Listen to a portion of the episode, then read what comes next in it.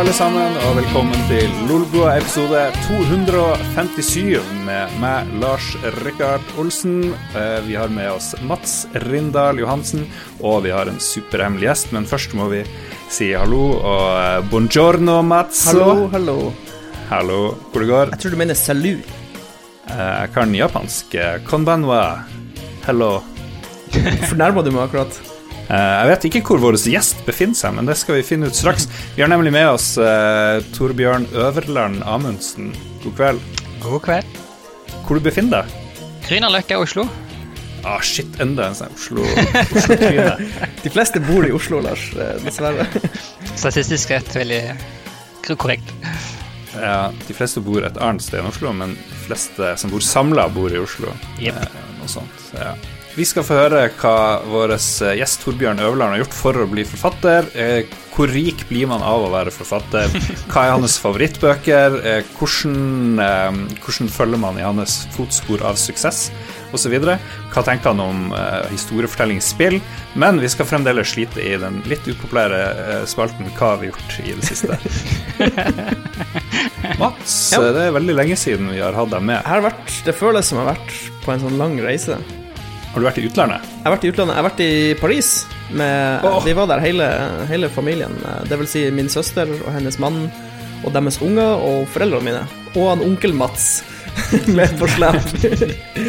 Så det var Nice. fader, Faderen eh, slo på stortromma og betalte for alt, basically. Så jeg var med, jeg var med som en boms. Gratis. Eller så de sier i Paris gratis. Fattigmanns uh, Disney World. Eh, ja, uh, de har Euro-Disney utenfor Paris, og siden vi hadde med oss to små barn, så gikk selvfølgelig turen dit den ene dagen.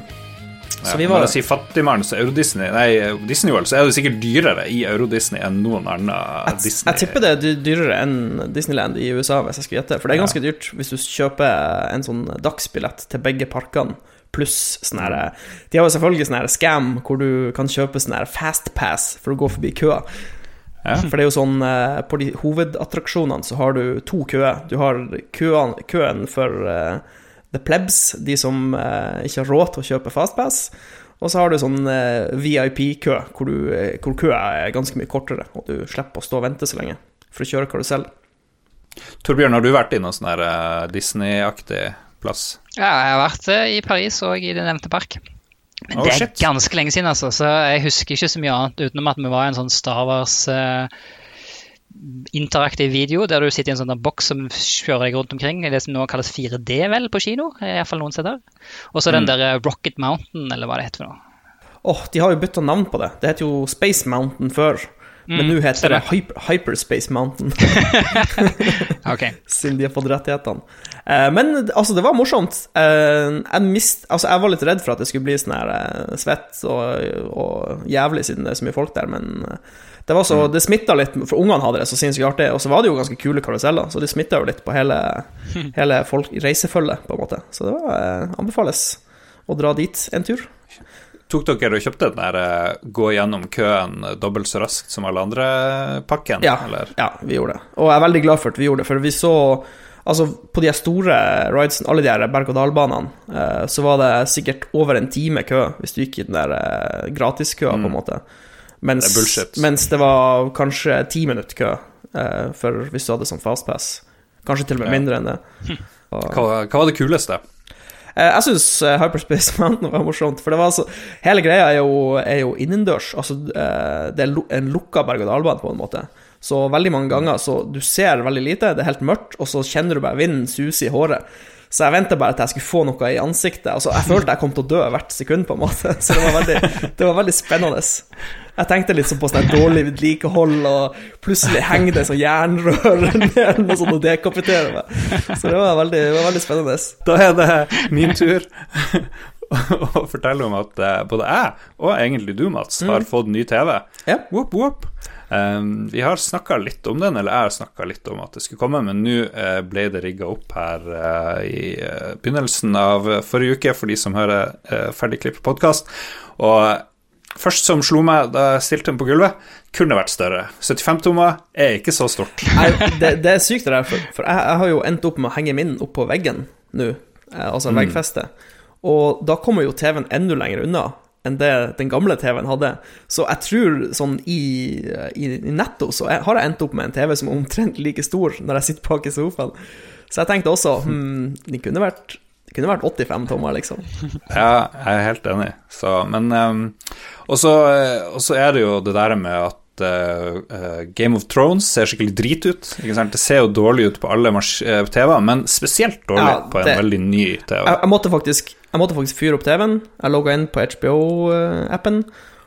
Herregud, så dårlig kvalitet det er. Det er helt spektakulært. Og litt for moro skyld, eh, sammenligna det med på laptopen. Hvis jeg liksom skrur mm. på min 15-tommers laptop og ser på skjermen, så, så er det mye bedre der, på en måte. Jeg forstår ikke ja, ja. Ja. Nei, fordi jeg har jo nettopp bytta ut en eh, plasma fra 2011, eller hva det er. Top of the line 2011. Og eh, episode 1 og 2 av eh, nye sesongen Game of Thrones. Helt passabelt, helt greit. Nå var det rekefest, og bare satt og var sur og kvalm og tok en pause og bare Er det så dårlig? Ja. Det er, ja, det er, det er, helt Til sammenligning fyrte jeg opp Jeg har jo fått min opp å kjøre veldig nylig. Jeg fyrte opp den her Our Planet på Netflix. Og så fyrte jeg opp Jeg har jo en sånn ultra-HD Ultra Blu-ray-spiller. Uh, eh, UHD-spiller. Mm. Så jeg satte på Avengers Infinity War. Uh, og det er, helt, det, det er, så absurd bra kvalitet, liksom. Og så skrur mm. du på, uh, fyrer du opp HBO-appen og starter noe, og så får, blir du bare deprimert for det er så dårlig. Det er liksom ja. megakrise. Ja. Så uh, det er det vi kaller ilandsproblemer, tror jeg. ja. ja, for at det er It's hell. Ok, Torbjørn. Um, endelig skal folk få høre masse om hva du velger å dele av det du har gjort i det siste. ja. det siste er jo relativt for din del, da. Du kan jo begynne helt fra starten hvis du vil. Jeg begynner helt fra starten, ja. Jeg ble født i Nei da. Nei, eh, jeg tenkte det var litt morsomt, for vi drar til Paris på onsdag. Oh. Så siden du akkurat kommer derfra, så burde vi egentlig bare utveksle hvor skal vi gå. Ja, ja. Men uh, vi drar på bryllupsreise i det, 16 dager, så vi skal på storbyferie de luxe. Seks byer. Start i Paris. Så toger vi til Zürich, toget til Milano, flyr til Istanbul, flyr til Budapest og toget til Praha, og så tilbake til Oslo. Og det krever planlegging, for å si det mildt. Ja. Så det er egentlig det mine siste dager har eh, vært med og gått med til. Å få det på plass. Hva er kostnads... Eh, hva er budsjettet? Gi oss litt saftige detaljer. Saftige detaljer. Ja, det som er veldig fascinerende, er at vi klarte å få til Altså, det er jo bare oss to som drar. Eh, jeg tror mm. faktisk vi endte opp med Altså, ikke bolig, men altså bare fly og tog. Eh, per pers er 10 000 kroner. Oi, det er jo Det var jo Ja, det var litt overraska. Egentlig så var tanken først var jo å ta um, Istanbul, altså Orientekspressen. Mm.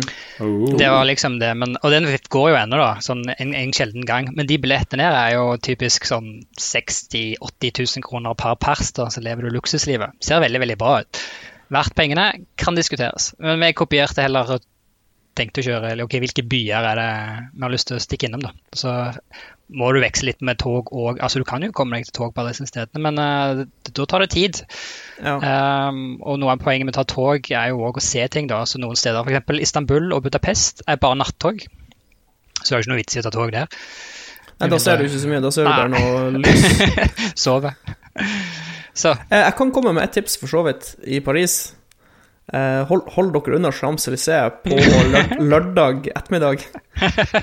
For da har de en tendens til å stenge ned metroen, og så kommer det masse sinte karer med sånne gule vester. De, ja. Og, jeg har hørt om det. Ja, de holder på fortsatt.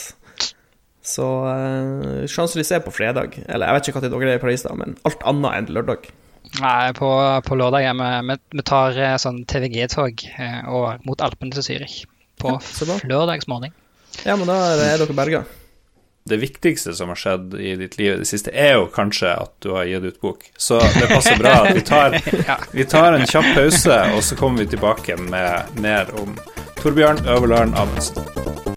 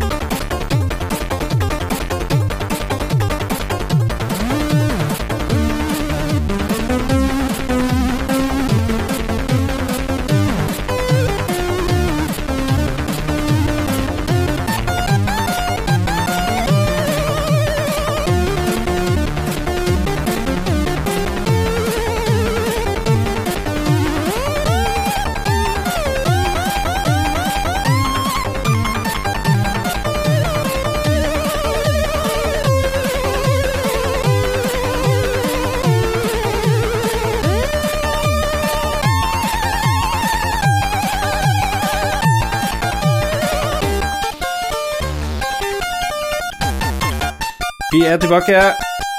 Eh, Det finnes to bøker i hvert fall som alle bør lese. Eh, Den første i serien heter Bian Shen. Jeg vet ikke om det er rett uttalt. Jo da. Så er det eh, oppfølgeren som heter Kelestriel, Og begge har vår gjest Torbjørn Øverland Amundsen eh, skrevet og gitt ut. Den siste på Gyllendal forlag, tror jeg det var. Ja, begge. Sammen med den første. Ja, begge. Først litt sånn Hvor gammel er du? Hvor er du fra? Vitale data. Vitale ASL. Uh, ja, jeg ble 40 i januar. Så da er jeg inne i det nye beste tiåret, selvfølgelig. Ah, yeah. Velkommen. Ja, jeg- altså, dialekt min er jo Rogaland-Stavanger-dialekt. Eh, Familien min bor fremdeles på et sted som heter Ålgård, som ligger i Kongeparken. Apropos eh, parker. Ja, ja, det er Ja. Russetreff de luxe akkurat nå. Ehm, ja, og, men jeg har vel egentlig bodd sikkert lengst i Oslo etter hvert, tror jeg. Bodde en liten periode i Trondheim òg, kan vi nevne. Ja, det var jo der vi møttes. Ja. Studerte i Trondheim. Sivilingeniør i informasjonssikkerhet, som det så fint heter. Fortell om uh, Bjan Chen og Celestrial, bokserien som eh, Jeg vet ikke hvor mange deler den skal være i. Det skal være tre. Okay. Iallfall tre for den første historien. Eller universet har jeg planlagt flere ting. Ehm, men ja, det handler om eh, en gruppe mennesker som av en eller annen grunn lever evig. Ehm, Oh. men de lever evig på en veldig spesiell måte. De er fanga i barnekropper. Så de blir aldri, de blir aldri eldre enn 14 år. Eh, og hvis de dør, eh, så blir de bare automatisk gjenfødt eh, på et vilkårlig sted over hele verden. Men de aner ikke hvor, og de aner heller ikke hvorfor. Eh, de, men de husker alt, da. Sånn at de Oh. erfaringene deres de går med dem for hvert liv. Da. Sånn, så hovedpersonen han er, det er jo litt vanskelig å holde tellingen etter hvert, men han er iallfall over 7200 år gammel. nice. okay. Han har eh, vært med på mye rart. Han var, var bl.a. med i den familien som var sjefsarkitekter for Keopspyramiden, så han var med på byggingen av det. da. Eh, og så har de egentlig så er, Jeg kan si litt i bakgrunnshistorien. at det, fordi boka starter i nåtid. Den starter i en eh, egentlig en ganske vanlig norsk familie, da, eh, tror de, da. Men han er eldste sønn, han har to yngre søstre. Og måten de, det fungerer på, de vet jo ikke hvorfor, eller det sånn, hvorfor det er sånn som det er. Men eh, de blir aldri 14, så natten til de skulle blitt 14 år, så sovner de. Og så våkner de opp i sin, til sin egen fødsel. Jesus. Og det er litt plagsomt, for å si det mildt, for de da. Fordi de har jo på en måte alle sanser og alle minner, og vet og etter hvert så snakker de alle språk, så de kan forstå absolutt alt som skjer. Men det de mister eh, hver gang, er jo muskelkontrollen. Så de er jo totalt forsvarsløse med minimum 14 års mellomrom. Eh, Så hvis du havner på feil tid til feil sted, så har du et problem. Eh, så det er jo ganske Ok. kjipt. Så Det er en veldig original setting, høres ut som. Jeg har aldri hørt noe lignende som det her, tror jeg. Har du, Mats? Nei, det er, det er ganske unikt. Vi er jo enorme forbrukere av uh, tvilsom litteratur. Ja, så vanligvis, så, hvis du har Immortals, så har de jo en tendens til å, å beholde kroppen sin. At de bare har én kropp, på en måte. Hele Sånn som Highlander og vampyrer og Ja. Ja. Altså, det finnes jo mange fasonger de kommer i. Men reinkarnasjon er jo ganske ja, interessant måte å, å kjøre immortality på. Men Tenk hvor kjedelig det er å være null til to år, liksom. når Jeg vil, jeg vil si mer. Jeg vil si null til fem må jo være en bummer de luxe. ja, de, har, de har litt problemer med det, men sånn, sånn er det. weak body. Men vet foreldrene at de liksom er De har født en uh, fully sentient uh, baby på null år, liksom? Nei, Sånn. ikke, de- ikke disse. Så eh, når han starter nå, altså Boka starter jo bokstavelig talt dagen før han skal bli 14 år. Og han Ah. forventer jo da at familien Altså typisk norsk bursdag for sånt, det er fokus på senga, en gave eller to, eller kanskje flere, og litt sånn sang. Eh, Men det de vil finne, er jo sønnen sin død, da. Så han har måte prøvd å planlegge litt med bl.a. skrive eh, dagbok og gjøre litt sånn greier da, som skal gjøre det enklere. Men det er jo ikke noe han kan gjøre med dette. Han er vant til det, men så, sånn er det bare. Men så skjer jo det som aldri har skjedd før, da, ja, der han våkner opp, og så er han i den samme kroppen. Og, og plutselig bare What the fuck? Eh, hva skjer nå? Det første han tenker på, har jeg misforstått bursdagen min? Har, jeg, har det noe jeg ikke har fått med meg her? Ah. Var jeg egentlig født i morgen? Men eh, nei, han var jo ikke det. Så det, det starter sånn, og så for første gang så, For det er eh, 421 av disse barna rundt omkring i verden, så han blir den første som får lov til å bli voksen. det fins en annen av disse barna. Um, og han er jo da av ukjente grunner. Han har alltid blitt født på feil tid til feil sted gjennom mesteparten av verdenshistorien. Så han er alltid født på det mest jævligste tidspunktet i verdenshistorien. Uh, og har blitt ganske lei um, på flere måter. Men han kan jo ikke dø. Mm. Altså, Hvis de tar selvmord, da, eller hvis de dør av altså De kan f.eks. bli skutt eller drukne, men da blir de bare gjenfødt med en gang. Uh, så han mm. er på en måte lei av, samme som tenker buddhismen, da, lei av å være fanget i sirkelen. Men han tror han har funnet et smutthull. Uh, fordi For å bli gjenfødt så må du jo bli født. Noen må bli født. Så hvis det ikke er noen folk igjen i det hele tatt, og det ikke er noen som blir født, så dør jo han òg, da. Jesus Christ. Okay. Så han, han, han syns på en måte at menneskeheten er et eh, evolusjonert feilsteg, og eh, ja, syns ikke vi har noe å gjøre her, så han vil bare at alle skal dø, sånn at han kan dø.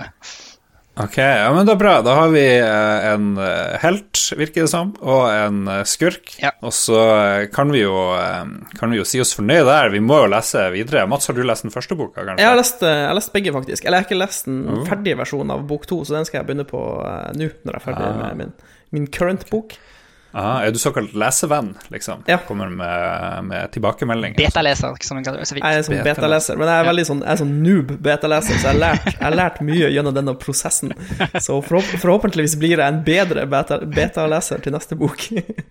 Hvor ofte har Mats etterlyst mer tits og, og sex i boka? Foreløpig har han klart seg bra. Ja.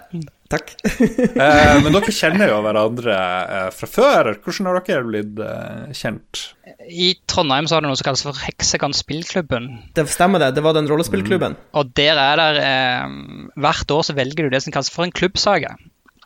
Og der var jeg og en kamerat. Vi var da eh, sjefsskema, så vi spilte, lagde en verden basert på Vampire the Masquerade. Stemmer det. Wall of Darkness. Yes. uh, og da utvikla vi scenarioer, og vi hadde ufattelig mange spillere. Vi hadde over 120 spillere totalt, og 70, 70 spillere samtidig. Så vi skrev på What? det meste fem scenarioer i uka. Og så hadde vi andre som, wow. andre som GMA for oss, som vi GMA selv. Og så hadde vi andre. Så jeg tror det var, tror det var gjennom der. Ja. Og så begynte vi å spille andre rollespill. Ja, litt sånn exalted og Og så dro dere meg inn i World of Warcraft-helvete når jeg egentlig skulle skrive yes, etter hvert. Beklager. Så, ja. så sorry. jeg hadde liksom prøvd å holde meg unna så lenge. Hadde jeg klart det. Nei. Ja, det er sånt som skjer. Gikk av skogen. Ja. Ok, så da aner jeg jo allerede hvordan du begynte å skrive, eller du drev kanskje og skrev før du lagde masse kampanjer i, til Div rollespill? Det er definitivt en stor hjelp i jeg tenke verdensbygging og plott, jeg tenke rollespill, men jeg, det første som jeg skrev, som jeg tenkte over at nå skriver jeg, det var faktisk dikt. Mm. Ja. På servietter. På servietter? Ja. Ok, det høres veldig på kafé, kanskje, til og med. Jeg tror det var ei jente involvert på et eller annet tidspunkt der. Forferdelig dikt, men eh, ja. Mm. Så, jo, men, men, hvorfor ikke? Nei, hvorfor ikke? Hvor, gammel, hvor gammel var du da? Nei, da tror jeg jeg var 15. Og så tror jeg ikke jeg skrev Jeg tror jeg vel jeg skrev begynte på noe som måtte på en bok først når jeg var 19. Ja. De første bøkene til folk bruker å ligge begravd dypt ned et sted. Stemmer det for deg òg? Nei, altså Eller var det eh, Bien Shen, den første boka? Bien Shen. Det var, det var den første boka jeg skrev ferdig. Som er et mm. vesentlig eh, poeng for de som ønsker å skrive. Da. Altså, det er liksom Av råd du kan gi folk som ønsker å skrive, alltid skriv ferdig. Fordi det er, så, det er så lett å begynne på ting, og så kan du kaste de fra deg. og så blir det ikke noe mer av det. Altså. Men når du får skrevet ting ferdig, så har du en begynnelse og en slutt. og Da har du noe å jobbe med. Da har du på en måte versjon 1.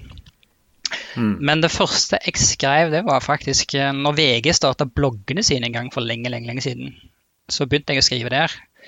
Og så skrev jeg egentlig det som da eh, Jeg har alltid en teori om at eh, du, altså Skal du bli god i noe, så må du prøve alle de forskjellige formene innenfor det. Sånn at eh, det er mange ting du kan skrive, altså, og det er forskjell på å skrive det. Sånn Fra dikt til roman, eh, på en måte i lengde. Men skriver du en sketsj, eller om du skriver på en måte et skuespill, da, så er det forskjellige ting du fokuserer på, det er forskjellige ting som betyr noe for teksten. Så jeg prøvde meg forskjellige ting, og i det, dette tilfellet her, så det jeg skrev som, som jeg først virkelig bare gikk ut til mange med, da, det var egentlig en sketsj i Monty Pythons stil som heter End of the World. Uh, og sendte ut det til fire forskjellige folk uh, som type beta-lesere. Og så av alle underlige ting så kom alle fire med en ganske nøyaktig samme tilbakemelding. Og Det var først da jeg tenkte hm, ok, kanskje jeg har noe her. Og så ville de at jeg skulle gå vekk fra sketsj og gå over til å skrive bok. Uh, og så hadde jeg det klart. så på to-tre to, dager så hadde jeg et helt plott klart, og så skrev jeg faktisk en tredjedel i hvert fall. Og da skrev jeg på engelsk, da, riktignok. Men så mm. gikk jeg til forlaget, og de spurte om tar dere imot bøker på engelsk. Det er de kategorisk nei på, så da bytta jeg. Og da hadde jeg allerede ideen til Bianchen klar, for den kom ganske tidlig mens jeg studerte psykologi og filosofi i Trondheim. Så da fant jeg ut ok, da skal jeg prøve meg på denne ideen her, og så skal jeg skrive på norsk. Og så, ja, gikk egentlig ting ganske på skinner.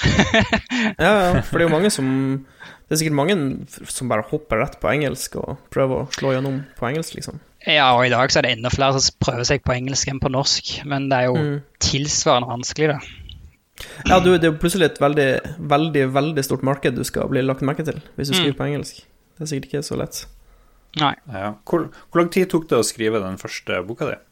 Eh, totalt sett så tipper jeg det tok i tid seks år.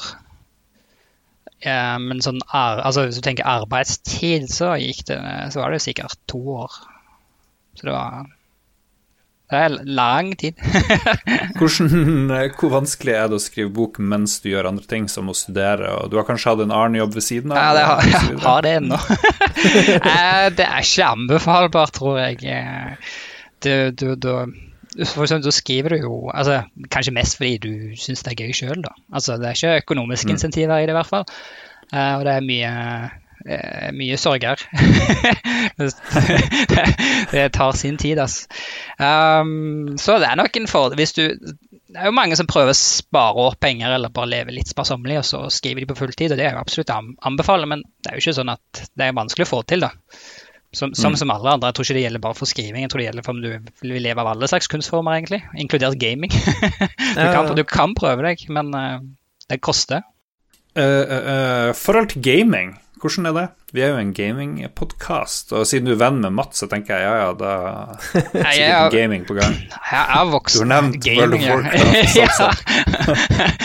så, ja. Hvor, hvor, mange måneder ble masteroppgaven min forsinka pga. World of Warcraft? Nei, det var ikke få. Nei, uh, nei ja, veldig. Altså, gaming har på en måte vært en del siden jeg vokste opp. Jeg satt og tenkte liksom litt gjennom det i dag. Uh, den første gamingmaskinen jeg hadde, fikk jeg jo på en måte nesten fra før jeg kan huske. Jeg arva en Atari Litt usikker på hvilken mm. modell, men kanskje en eh, hva det blir, 5002? Altså en sånn type med tolv taster på, så ser det ut som en sånn gammeldags fjernkontroll. Med pong og mm. ubåtspill og diverse fotballspill. Og så mm. jobba vi opp gjennom eh, ZX Spektrum, 40K, Amiga 500. Fikk, oh, fikk til slutt eh, en 486 DX250 MHz. Oh, yes. Doom. Da, liksom. Men så fant jeg Civilization, og da var det gjort. Da endte jeg opp i strategispill mest. Og så er det bare godt gått i eh, Det som jeg bruker tid på nå, er selvfølgelig PC. Og så har jeg en PlayStation 4 som tar en del tid. Fordi det som er så fint, i, sånn i forhold til å være forfatter, er at du går på jobb og så skal du liksom skrive kvelden. Og da trenger du noe som rensker ut hjernen din imellom de to fasene. Ja. Uh, da, Iallfall nå i det siste så har det blitt uh, det, det, er alltid en del Fifa, fordi Fifa har så fint uh, tidsspenn. Men i det siste så har jeg pløyd meg gjennom eh, en del spill som jeg lå etterpå. Inkludert nå er det Red Dead Redemption 2. Oh, det holder jeg også på med. Uh, og det tar jo sin tid, selvfølgelig. Når den ikke nødvendigvis har tid. Og ellers med så Siste God of War elsker jeg. Ja, Vi kan jo snakke litt om uh, historiefortelling i spill. Uh, for meg så er liksom pure historiefortelling det er når en person forteller en historie mm. til en annen. Mm. Det er der vi begynte som mennesker, egentlig. Og, og, så alt annet er liksom å komplisere eh, historiefortellinger. Ja. Og spill så er det jo veldig mye som kommer i veien, eller som kan kanskje støtte opp om da, historien. Men, eh, men hvordan ser du på liksom, historiefortellinga i, i, spill i dag? Jeg tenker at det er, det er 10 historiefortelling ofte i noen spill, og så er det i andre spill så er det mye mer. Ja, det er jo du, du, kan ikke snakke generelt om det i spill, men du kan nok snakke generelt om mekanismene, tenker jeg. Altså, folk som snakker om historiefortellinger, vil ofte, eller jeg holder kurs noen ganger både på skoler og for barn og for voksne. Liksom, Fins det noen regler da for historiefortelling? Og det finnes egentlig ikke så veldig mange regler som du kan på en måte gjøre akkurat sånn som dette. Men jeg pleier å si at hvis det er en regel jeg kan trygt si at dette her er det alltid du deg til, så er det den uh, regelen som, uh, som, på engelsk er 'make me care'. Altså, mm. uh, all historiefortelling handler om å få den som ser på, den som leser, den som hører på, den som spiller, til å bry seg. Eh, og det er liksom hooken. I det øyeblikket du bryr deg om en karakter eller en setting, eller noe sånt, da er, du, da er ting ti ganger bedre. Mm. Og, og, den, og, den, kan du egentlig overføre på alle slags typer spill. Ikke noe, du kan spille FPS, du kan spille strategi, men hvis det er noe i bakgrunnen som får deg til som hjelper deg til å bry deg, så er det klart at da er du på en måte hooked på det. da. Sånn at uansett hvordan du snur på det, og det som er gøy med gaming, selvfølgelig, er jo at du har veldig mange mekanismer som du ikke har andre steder. Uh, mm. Men det handler alltid om det der, og det er å få, deg, få, få spilleren til å bry seg. Da. Og du ser jo på hvilke spill som blir populære òg. Altså, uh, ja, vet ikke, Standardeksempelet mitt sånn, er jo typisk hvor mange voksne menn gråter av Last of Us. det er liksom, jeg, jeg, er veldig skyldig der.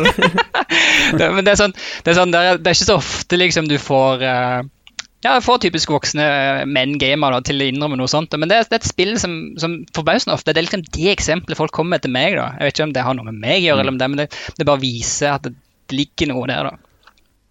Ja. Et av mine favoritthistoriefortellingsspill er jo bisart nok et spill uten dialog i det hele tatt. Det er jo der Journey, mm. som jo viser ja, ja, ja. hvordan spill kan fortelle en historie ingen som ingen andre kan fortelle en historie. Nei, Så det er jeg digger, digger Journey òg. Jeg husker jeg spilte gjennom Journey på, på en kveld, da. Eller det er kanskje de fleste spiller gjennom på en kveld, det er vel ganske vanlig. Men jeg var overbevist om at jeg spilte med én person hele tida. Men på slutten mm. eh, Faen, går det an å spoile Journey? ja, ja, ja. På slutten, så, eh, når creditsen ruller, så får du se navnet på de du spilte med. Og da viser det seg at jeg hadde spilt med tre forskjellige folk. så jeg lurer på når de bytta dem ut, men det var morsomt. Ja. Du nevnte eh, God of War. Jeg syns det var et eksempel på godt skrevet dialog, i mm. hvert fall. Jeg syns mye dialog i spill bærer preg av å være jeg vet ikke, Noen ganger kan det jo være sikkert være stemmeskuespillerne sin skyld, ja, og sånt, men jeg, jeg, jeg, reagerer veldig ofte på at jeg syns det de sier folk, er skikkelig trasig. ja, så det, ja. det, er veldig ofte, veldig sjelden at jeg tenker at fuck det her, her er det noen som har skrevet og som kan lage eh, troverdige karakterer, eller karakterer jeg bryr meg om, da, kanskje. Mm. kanskje det, ja, det, det verste Ja, beklager, fortsett. Jeg skulle bare slenge ut Portal 2 som kanskje er sånn et av mine favorittskrevne spill. Ja, altså Portal 2 altså, Få spill jeg har ledd like mye av mens jeg spiller det, og bare koser meg mm. med. Altså, for det er glad hos, altså. Uh, helt ja. fantastisk. Men jeg tenker òg på God of War. altså En ting som jeg la merke til som jeg tenker sånn spesielt over som mekanisme, er den altså I sånne spill som der så er det så mye sånn reising. altså Sitter i denne båten og så bare ro, ro og så tenker jeg, ah, faen, så kjedelig. Men altså, måten de har på en måte lagt inn de der små samtalene mellom far og sønn, som kommer opp automatisk, det syns jeg var helt genialt. For det bare la på en måte det fikk meg til å glemme at ok, nå er jeg bare ute i en båt og ror og skal egentlig fra ADB. Men istedenfor sitter jeg og lytter til og hører på og syns det er utrolig interessant liksom, å få de der små dypp inn i bakgrunnshistorien. Jeg syns det var fantastisk. Jeg har opplevd litt av det samme i Red Dead Redemption 2.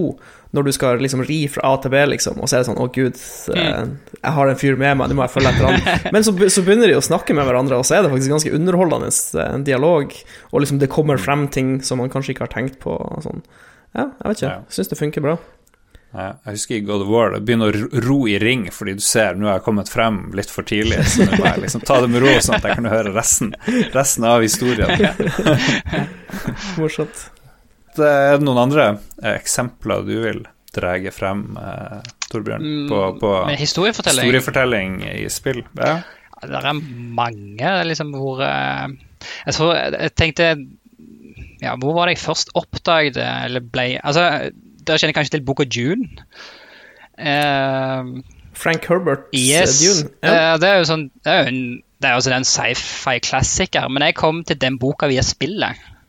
Ja, ja. ja, Det tror jeg mange gjorde, faktisk. Ja, jeg, jeg, jeg har òg opplevd at det er mange som sier det. og Det tenker jeg det er sånn interessant der du på en måte Det er ikke bare historiefortelling, men det er liksom hele verdenssettingen som drar deg inn, mm. og så får du Veldig. lyst til å vite mer. da. lyst til å vite mer om House Harkonnen og Mm. Atreides og liksom Hvem er de her eh, Fremen-karene og keiseren og Det er mye sånne her morsomme det, Elementer. Ja, det, broderen gjenleste akkurat uh, June, og liksom, det holder seg så utrolig bra. Så nå kommer det jo en remake om ikke så lenge, så det blir jo spennende. Ja, du tenker på den nye filmatiseringa? Ja. Ja, jeg er det- veldig spent sjøl. De har jo sånn de har jo, Det er jo dukka opp det, Noen måneder tilbake så var det jo en gang i uka så dukka det opp en ny skuespiller som hadde joina Mm. prosjektet, liksom. Så det, de har begynt å få ganske mange store navn nå. Men jeg, apropos det, det som jeg tror da jeg vokste opp, det som kanskje fenger meg mest, det var alle disse her eh, RPG-ene, altså Monkey Island, når de kom. Monkey Island, eh, 1 og 2, Loom, uh, Full Throttle, Grim Fandango, uh, Indiana Jones-spillene. Altså den kombinasjonen av historie med puzzles og ikke minst humor, jeg syns jeg var Ja, det jeg tror jeg skulle til skolen en del dager for de, altså.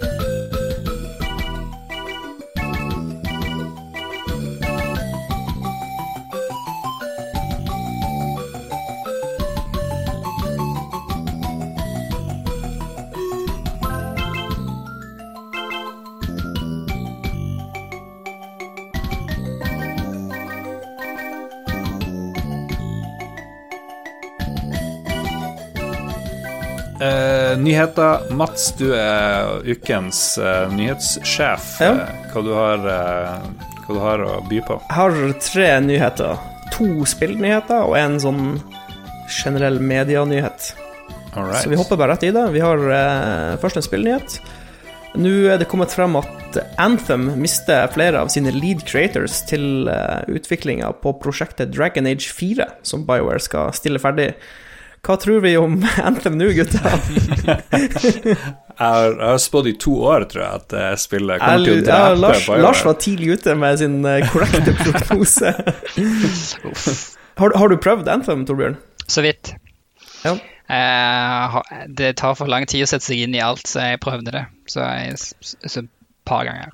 Ja, vi, vi var en, en vennegjeng som prøvde satt, Vi satte oss ned i helg, og så begynte vi å spille på fredag. Og søndag formiddag konkluderte vel med at dette ikke var verdt å bruke så mye mer tid på. Så vi Nei. tenkte sånn Vi tenkte sånn Ja, kanskje vi kan besøke Anthem om seks måneder, når det kanskje har klart å, å komme seg på beina igjen. Men nå ser det jo Nå ser det dystert ut. Nå nå tror jeg de har et kjempeproblem.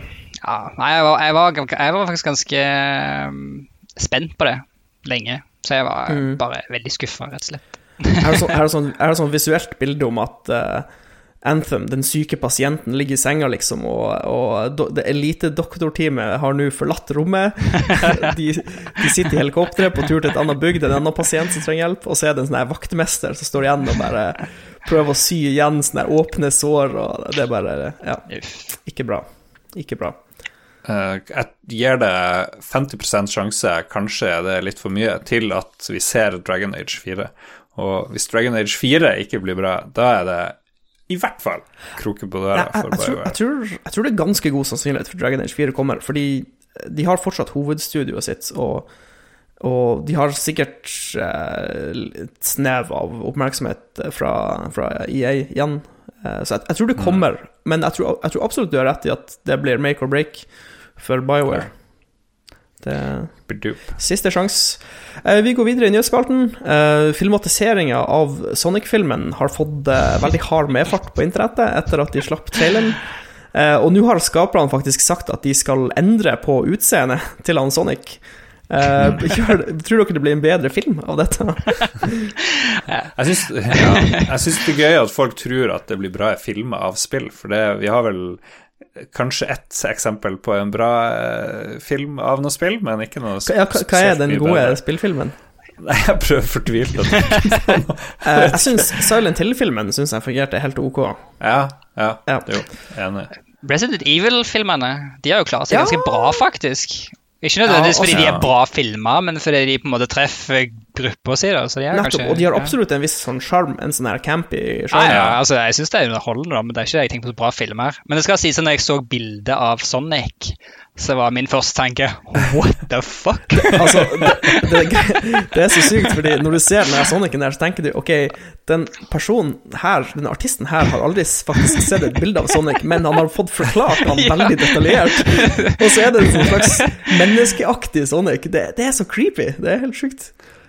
Men hallo, er ikke filmen på langt vei ferdig? Hvordan kan de endre på Ja. karakteren nå? eh, Internett har jo også konspirasjonsteorier, et konspirasjonsteorier nå om at eh, de hadde eh, De har lagd en fake trailer eh, med den, den tra- Altså, det er basically den traileren vi har sett, er fake, og så har de eh, en ekte trailer og en ekte film, så de venter på å slippe for å skape liksom eh, goodwill. Jeg vet ikke. Det, det er ganske sær teori, men eh, ja. Det er Ja. Alt er vel mulig. Men altså, ja, jeg tror ikke de har verken tid eller ressurser til å, å endre den veldig mye. Det, det høres Har du ikke sett traileren til den der Pikachu, uh, Detective Pikachu? Ja. Det er jo uh... det ser jo kjempemorsomt ut. Ja. mm. Er det Ryan Reynolds som har stemmen til han Pikachu, eller? ja. Fordi jeg tenkte ok, her er Deadpool spiller Pikachu, var egentlig Ja. den feelingen jeg fikk. ja. Jo, det er jo basically det som skjer med Detective Det er samme, Pikachu. det er samme type humor òg. Eh, samme type snap i kommentarene og bare Ja, jeg skal se Pikachu bare fordi at den Den- humoren den som de kom- er presterer, vel- virker kjempebra. Den er vel rett rundt hjørnet, tror jeg. Ja. Jo. Den har fått uh, reuse allerede, og sånn halv, virker det som. All right, vi stormer videre til siste innslag i spillnyheten. Eh, Det er da eh, Valve Index har annonsert sitt nye VR-headset i forrige uke. Eh, Det blir et high-end-headset som koster 999 US dollars. Altså cheap, litt, cheap. litt over Sannsynligvis rett over 10 000 norske kroner. Og de byr bl.a. på en høyere oppdateringsfrekvens på 107, 120 hertz, som er 30 hertz over det som er vanlig på de headsetene vi har i dag, som ligger på 90. Heter det Valve Index? Det? Valve Index eh, heter det. Okay. Hmm. Eh, men jeg vet ikke det, det er problematisk med den prislappen, for liksom folk flest kan ikke bare gå inn på butikken og kjøpe seg et headset til 10 000 kroner, Ja. liksom. Men er det weird at Valve samarbeider med Hvem det var? HTC. HTC? Var det var de som lagde HTC Vive? Ja, Eller Vive? eh, Vive, Var ja. Og så kommer Valve med sitt, med sitt eget. Hva er opplegget? Vet du noe? Nei, altså, de har Valve har Jeg tror aldri det har vært noen stor hemmelighet at de har tenkt å lage et eget headset. Eh, Det har de alltid sagt. Mm. Så de har vel bare lært De har lært veldig mye, sikkert, mens de har samarbeida med, med HTC. Mm. Og så har de nå sluppet sitt eget. Eh, Og jeg så et par intervjuer med folk som har prøvd det, og de sa det var utrolig bra. Det var bra skjerm. Det var bra, veldig bra Altså, de sa det å gå fra 90 til 120 hertz Eh, altså det vil si hvor mange bilder du ser i sekundet, var eh, en, en de, det betydde mer enn de trodde. Mm. Så, eh, og de har snakka om at eh, eh, skjermen, eller de to displayene da, i headsetet, er i stand til å vise 144 bilder i sekundet. Det er bare at de ikke har eh, programvarer som støtter det helt ennå, så det er på et beta-nivå. Men alt har vært utelukkende positivt hittil. Men jeg, jeg, jeg er bare redd for den her høye prislappen. Jeg føler at at eh, de VR-headsetene vi ser nå, det er sånn premium premiumpris på dem, så det er veldig få som, som kjøper dem, og så håper jeg at når vi får neste generasjon, at prislappen går betydelig ned. Hvis vi skal se, hvis vi skal se liksom et VR-headset nesten på hver PC, på en måte, om fem år, så må jo prisen stupe. Har, noen har du, eh, Torbjørn, VR-ting? Ja, jeg, jeg har faktisk vært med å støtte Oculus Rift når de starta som en kickstart her to ganger. Skulle heller kjøpt aksjer i selskapet, da, men det var, fikk vi ikke lov til. Det var før Facebook kom Nei, inn det, det, det er en absurd historie når du ser på med forbindelse av det. Så jeg eier to av de, to av de som kom ut først. Um, og jeg har hatt veldig mye moro med det. Uh, sånn type ta med ut på byen, faktisk, med laptop, og så bare sette, folk, sette folk inn i sånn «Nå skal du ut på berg-og-dal-bane og så se hvor mye de hyler og skriker. Eh, Men altså, jeg er kjempefan av det. Men jeg, som han sier, altså det med pris det er jo et problem innledningsvis. Men de må jo få opp altså Teknologien må komme til et punkt der det funker. Og så må på en måte teknologien få lov til å modne så mye at prisen faller ned, og så ja, Jeg bare gleder meg. Også, men så tipper jeg òg at uh, spill driver jo denne utviklingen akkurat nå, da, men altså, jeg har jo jobba i oljebransjen før. og det gjør du òg, Mats. Og bare yes. tanken om at du kan få disse her brillene inn til å bruke i uh, altså 3D-design og arkitekturarbeid på alle slags mulige ting, er jo bare Altså, det er nødt til å gå den veien. Ja, jeg har også Det var en ting jeg glemte å nevne, som kanskje er litt viktig. Eh, de har også sagt at sammen med Valve Index, altså eh, en del av releasen til Valve Index er at de skal lage et flaggskip VR-spill. Mm. Altså det vil si, Valve kommer med et skikkelig VR-spill, så det er jo Hva kan det være? kan det være nytt Portal, eller noe sånt, kanskje? Det hadde vært kult. Mm. Men ja, jeg tror, jeg tror som Torbjørn sier, tenk deg liksom en lege som kan operere med et VR-headset. Altså, det kommer til å gjennomsyre mange industrier eh, i, de, i, løpet av de neste ti årene. Det kan vi være sikre på. Jeg syns pornoen skuffer veldig med hvor lite den driver VR-teknologi osv. Ja. Nå har jo ikke jeg VR-headset, men eh, det er liksom ikke at folk snakker om hva er enorme anal, double anal ikke sant, på i VR. Sykt bra. Det, det, er ingen som sier det. Nei, det er godt, et godt poeng.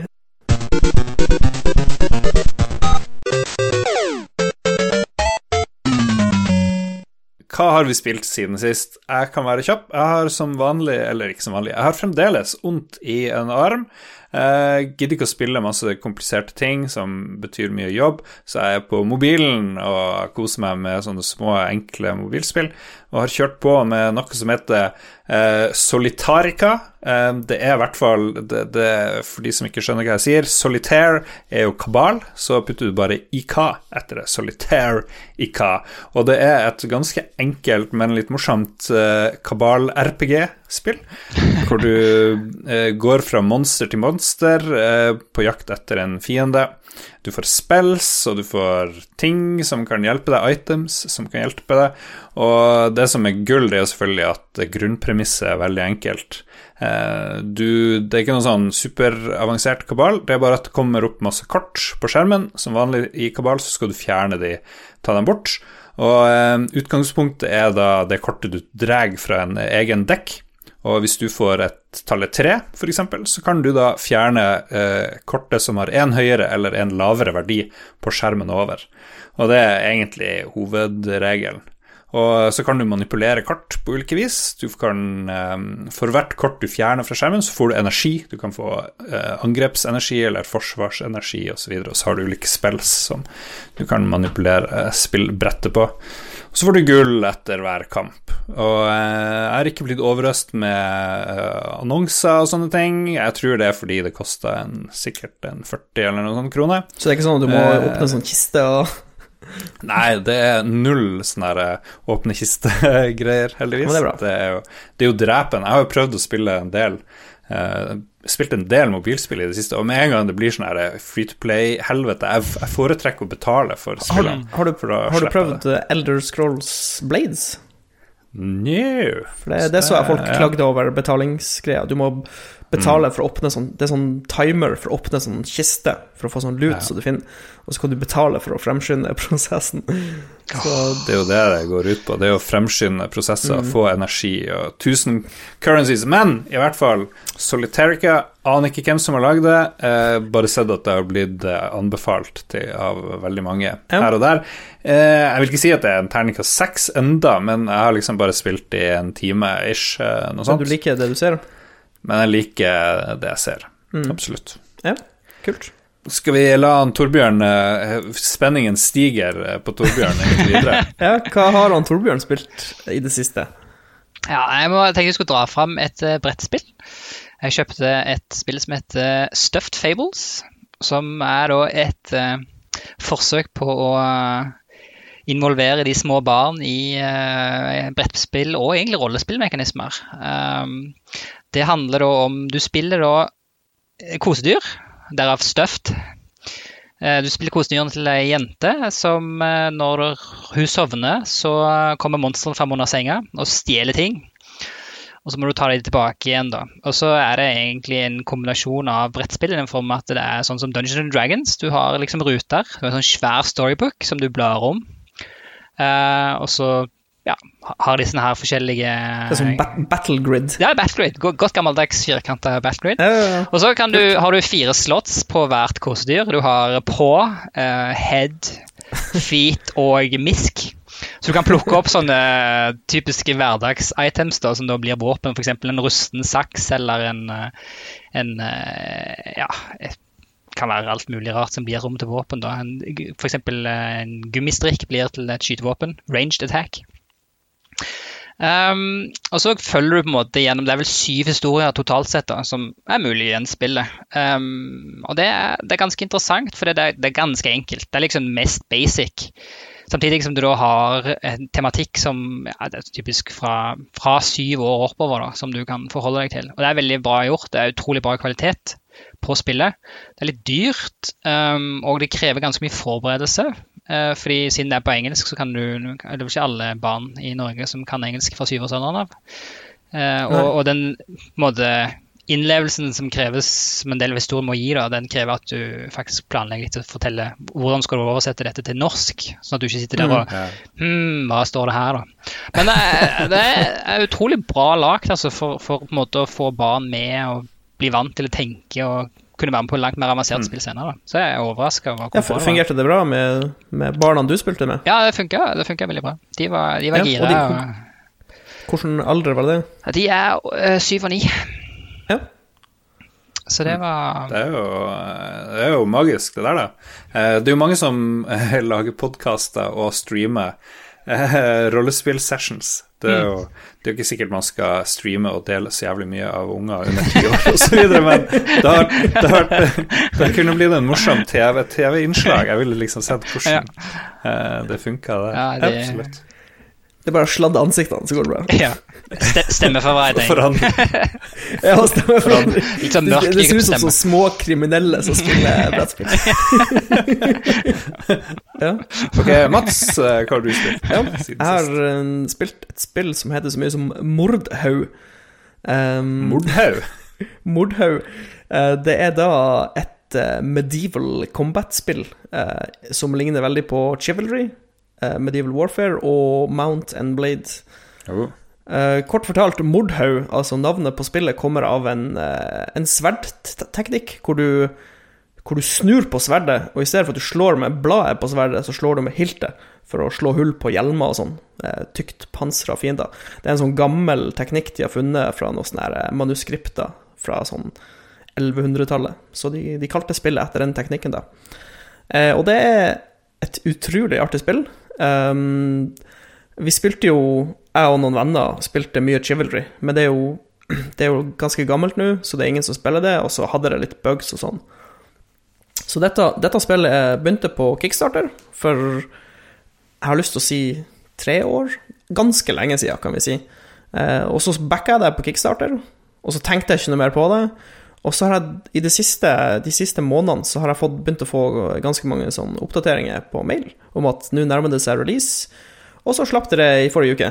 Eh, 1.0-release. Eh, jeg testa det i helga med noen kompiser, og det, det er kjempesmooth. Alt fungerer, det er veldig lite bugs. Veldig morsomt spill. Eh, til de som ikke er, forstår helt hva det går ut på, så er det mm, Det er first person, men i stedet for at du har skytevåpen, sånn som i Call of Duty, så har du sverd og hammer og øks og spyd og pil og bue, for så vidt. Og så går det ut på at du skal mose fienden Call of, Call, of på best mulig Duty, måte. Call of Duty med sverd, egentlig. Mm. Men det som, det som er kult, da, det som gjør at jeg kommer til å spille det ganske mye, er at det har, det har et ganske dypt kampsystem. I stedet for at du bare har liksom eh, eh, Du trykker på, på, mus, på museknappen, og så gjør du bare et sånn standardangrep. Så har du um, Du har et system hvor du eh, uh, Retninga du rører musa idet du trykker på knappen, påvirker hvilken retninga angrepet kommer til å ta. Så hvis du rører musa en piksel til venstre, så angriper du horisontalt fra venstre. Hvis du rører den til høyre, så er det horisontalt fra høyre. Og så kan du gjøre det oppover og nedover på skrå, eh, alle mulige retninger. Og så har du en annen knapp for å, for å stikke med våpenet, f.eks. Og så har du et ganske dypt system for å forsvare deg sjøl, eh, for å blokkere angrep. Du kan blokkere, du kan parere, du kan riposte, og så kan du gjøre noe som heter chambering, eh, hvor hvis du eh, kopierer angrepet som kommer mot deg, eh, det vil si hvis han prøver å stikke deg med sverdet, og så stikker du han samtidig, eh, da kan du ikke bare avbryte angrepet hans, men du kan angripe han gratis rett etterpå. Så det blir sånn her eh, sinnssyk sjakkgreie hvis du bare står rett foran en fiende, og han står foran deg, og det er ingen andre elementer, på en måte. Sjakk eller stein, saks og papir, liksom? Eller Jo, men det blir sånn, for du må vente Du, du kan liksom ikke nødvendigvis Det er ikke nødvendigvis best å angripe først, på en måte. Så det blir sånn her eh, Ja, det blir veldig sånn avansert. Men så blir jo dette regnestykket ganske mye mer komplisert når du kaster inn 32 andre spillere på hvert lag. Du har driver 64 totalt, ikke sant? Jeg ser video, det er jo Møllifest eh, de luxe Yes. her. Så hvis du liksom du, du, kan, du kan liksom stå med en fyr, og så har dere en sånn kul duell på gang, og så kommer det en fyr bak deg og eksploderer hodet ditt med en hammer, liksom. Så det blir liksom Ja, det, det er bare veldig forfriskende, for det er så eh, Hver kamp er liksom annerledes, på en måte. Har du ikke sett den der TV-serien på History Channel med sånne melee, melee med historiske våpen og sånne her sinnssyke mengder rustning? Hvor de har sånn eh, gelé som weapon, som gel, og driver og tester hva som er farligst og sånn, eller? Nei, nei, nei, det her er, det er eh, MMA bare med masse rustning, og de drar rundt med blunta Det er ikke skarpe sverd og skarp øks, men det er sånn her øks på fem kilo de drar og bare slår i hodet på folk, og det ser helt forferdelig ut. Det må være den mest farlige sporten her. Så det her minner meg veldig om det, for der er det sånn Du har fem-seks stykker i en ring samtidig, og så begynner han ene å gå mot den andre, og så er det liksom ikke skille seg ut, fordi da plutselig kommer alle og skal slå deg i ryggen, og så. Og det, ja. Oh, ja, jeg, glem, glemte å nevne én ting. Eh, en annen ting som er ganske kult, er at eh, du har et uh, klassesystem som faktisk ligner ganske mye på Call of Duty, hvor du får, du får 16 poeng, eh, og så velger du sjøl hvilken rustning du kjøper, hvilken våpen du kjøper, og så har du sånne traits som gir deg passive bonuser. Og så eh, skal du da prøve å bruke de 16 poengene, men problemet er at hvis du kjøper den tyngste rustninga, så har du plutselig brukt 9 av 16 poeng. Da har ikke du så mange poeng til overs, så du kan ikke ha det største tonsverdet og den tyngste rustninga. Det går ikke. Det koster mer enn 16 poeng, så du må liksom ofre litt. Og så du, kan du mikse inn uh, traits og sånn. Veldig, veldig bra klassesystem. Jeg tror det heter Night Fight, det der Ok, driten. Nei, ikke, ikke sett Nightfight. Men jeg har sett jeg har sett uh, full metal jousting som gikk på History Channel en stund tilbake. Og det er noe av det farligste jeg har sett. For da var det Da satt de på hestene, liksom, i full rustning, og rei mot hverandre med en lanse, og prøvde å dytte den andre fyren av hesten sin, liksom. Galskap. Jeg skjønner ikke Nei, hvordan men det er lov. uh, Mordhaug, folkens. eh, det koster 180 kroner på Steam. Eh, absolutt verdt å ta en titt på hvis du likte Chivalry, eller hvis du liker Mountain Blade og sånne typer spill. Men det er bare du- mus og tastatur? Det er ikke konsoll, si, altså kontroller? Eh, du, du kan spille det med kontroller, hvis du vil, okay. men jeg vil, jeg vil tro at det blir et lite handikap, Ja. hvis jeg skulle gjette. Eh, og eh, nå skal jeg ikke si noe, men jeg blir ikke sjokkert hvis dette spillet havner på PlayStation og Xbox. Eh, det var altså Mordhaug, eh, slovensk uh, galskap, og uh, Torbjørn anbefalte Stuffed Fables, rollespill for barn. Og jeg anbefalte Solitarica på mobil. Do it. Do it. Det må jeg kutte bort. Ikke ignorer do it, Vi fikser det i post. Vi fikser det i post. Eller jeg har sånn regel. Hvis vi sier 'fiks it i post', så fikser vi det Så gjør det aldri. Fikser ikke det i post. It's cursed.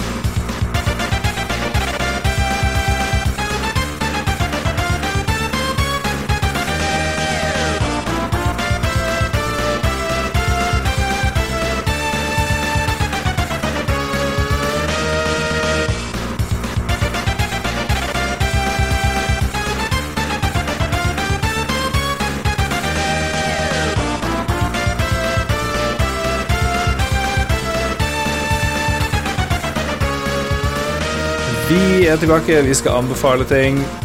Uh, ja, jeg har begynt forrige gang. Hvem har lyst å begynne å anbefale noe som ikke er spill? Uh, jeg kan komme med anbefaling. Jeg har sånn, jeg har sånn skikkelig Lars-anbefaling denne uka. uh, jeg gleder meg. Tannkrem. La meg gjette. Et eller Nei, annet. eh, nå vil jeg faktisk anbefale folk å henge TV-en sin opp på veggen. Uh, Det er helt magisk. Um, Yes. jeg har uh, jeg, har- jeg gikk til innkjøp av en sånn lydplanke. Samsung. Det var på tilbud under det der Green Weekend-greien.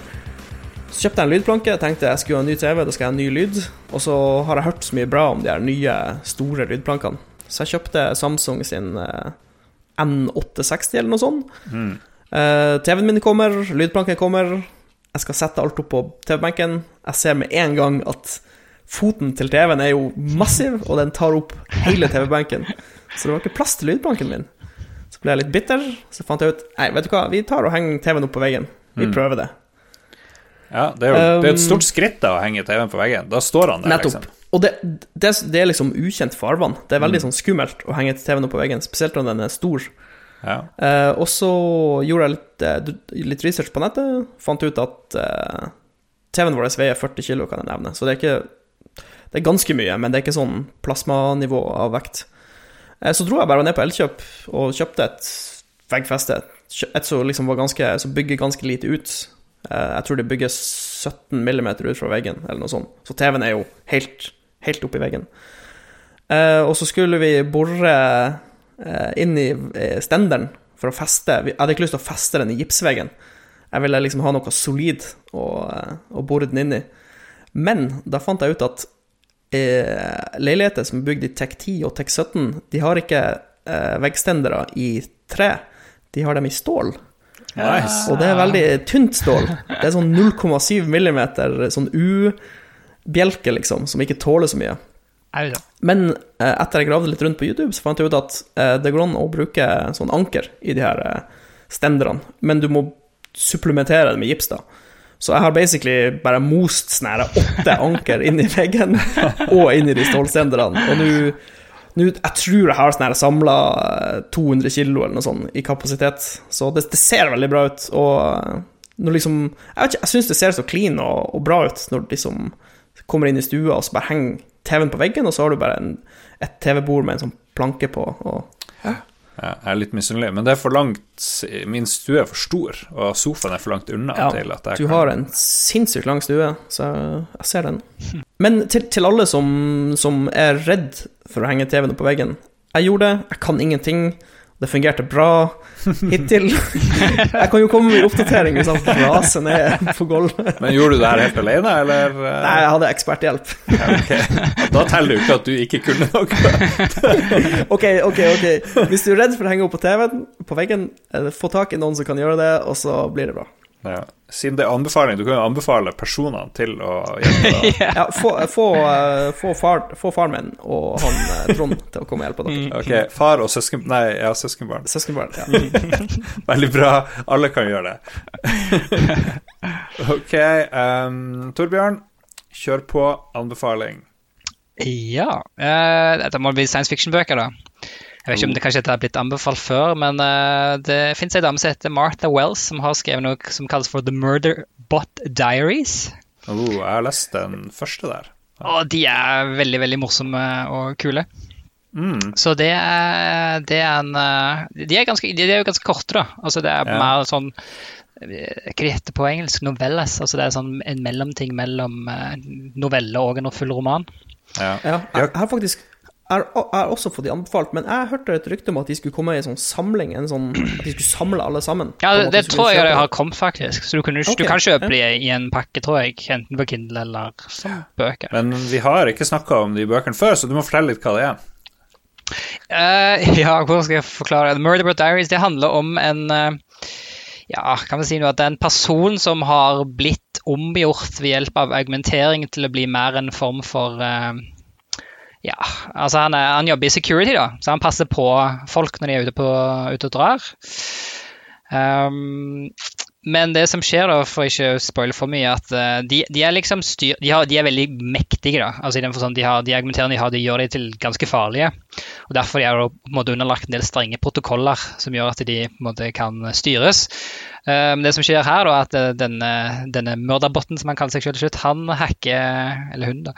Alt sånn, hacker, hacker sitt eget kontrollsystem. da for å finne ut hva kan jeg gjøre nå? Hvem er jeg? Hva vil jeg? Eh, for jeg har på en måte rømt litt under sitt tidligere liv da, for å gå inngå i denne eh, biten. Så følger du nedover. Det er vel tre, nei, fire, fire historier, tror jeg det er totalt sett, som ligger utenom. Som på en måte mm. Og de er, de er, veldig morsomme. Humoren der er bra og spennende og kult beskrevet. Ja, for de er ikke så lange? Nei, de er ikke så lange. De er sånn, som sagt de er sånn en tredjedel av det du kanskje tenker normalt på som en roman. Så de er enkle ja. å lese om sånn litt kortere snutter. da. Eller så hvis du kjøper alt på en gang, så bare følger du. Historien går ganske sekvensielt og følger etterkant tid, og det henger sammen. da. Eh, så det er ikke sånn at du kan lese nummer tre ut av Du bør ha lest nummer én og to først. da. Det er en serie. Ja, det er en serie. Og for de som har lyst til å starte på noe enda større, så kan vi jo bare i forbifarten nevne Neil Asher, som har eh, et fantastisk kult science fiction-univers, fordi han kommer med en ny bok nå i overmorgen. Eh, og det er en eh, kjempestor serie. Jeg vet ikke hvor mange bøker det er. Kanskje 10-12. Den første boka heter Gridlinked og foregår ganske langt inn i framtiden, der eh, AI-ene tok over verden fordi ja, de var mye bedre på styret enn oss. Og så er det litt, eh, litt, aliens og forskjellige typer ting som dukker opp. da. Så Det viser seg at det har vært noen sivilisasjoner der ute før som har skapt fryktelig mye farlige ting. Men det er jo alltid noen mennesker som liker farlige ting, og helst vil forske litt på dem. da og gjerne ta det i bruk. Uh, men det universet der er, hvis du liker science fiction, da, så er det, det er bare, bare, Google Neil Asher. Uh, det er et ja. fryktelig bra univers, altså. Har du, har du, lest noe Neil, Neil Asher, Lars? Uh, jeg leser så mye bøker at jeg husker ikke hva forfatterne eller bøkene heter. Så det, er litt sånn, det kan, kan hende. Eh, en av leserbidragene i dag var fra Ole Henrik Lerkerød Markussen, som spurte om Torbjørn eller har Torbjørn eller noen i redaksjonen lest 'Children of Time' av Adrian Tsjajkovskij. Denne og alle forfatterens bøker anbefales på det sterkeste. Det ringte ingen bjelle eh, for meg før jeg slo opp den boka og huska Hei, det her har jeg jo lest. Lest. og oppfølgeren eh, har, Ja, har nettopp uh, dukke opp. Så den har jeg tenkt mm. å lese. Men jeg tar det som min anbefaling, da. Litt sånn cheeky. Uh, han, uh, den her 'Children of Time' handler om at det går til helvete med jorda, så det sendes ut en del ekspedisjoner litt sånn uh, hit og dit til lovende steder rundt omkring i universet. Uh, og det skjer mye rart, blant annet i den første boka så har de uh, sendt noe spiders, eller det er noen spiders i hvert fall, som, opp, eh, som, som blir sentienter eh, på en planet, hvor det egentlig var vel noen apekatter, tror jeg, som skulle liksom utvikle og evolve seg, men det var liksom eh, edderkoppene som, som fikk eh, det fortrinnet i stedet. Og så havner plutselig mennesker i tillegg eh, opp fra noe dvale eller et eller annet og drar ned og gleder seg til å møte de her monkeyene men så er det bare sånne eh, enorme eh, spiderkolonier. Og så fortelles det eh, Point of view på mange av karakterene er sånne spiders som tenker å oppføre seg på lite menneskelig vis. Mm. Og det, det digger jeg science fiction, hvor det er ikke mennesker som er i fokus, eller liksom som er de eneste. Det er også andre vesener som har sin egen logikk og sin egen måte å gjøre det på. Og det er denne boka her. Jeg er også rent tilfeldig fått uh, hørt mye om Children of Time i det siste. Det er sikkert fordi den, de nye, den nye boka kommer, men mm. det var veldig mange som skrøt av worldbuilding og sånn, at han har lagd ja. en, en kul setting. Mm. It's very, very nice. Kudos til Ole Henrik Lerkerød Markussen for å minne meg på, på den, og alle andre. Eh, Mats anbefaler 'Henge TV på veggen'. Veldig bra anbefaling. Jeg støtter den. Få hjelp fra faren til Mats og søskenbarnet Trond eh, til Mats. Og Torbjørn anbefalte Murderbot Diaries og alt, tydeligvis, fra forfatter Neil Asher. Og det er, yes. det er solid. Solid anbefaling.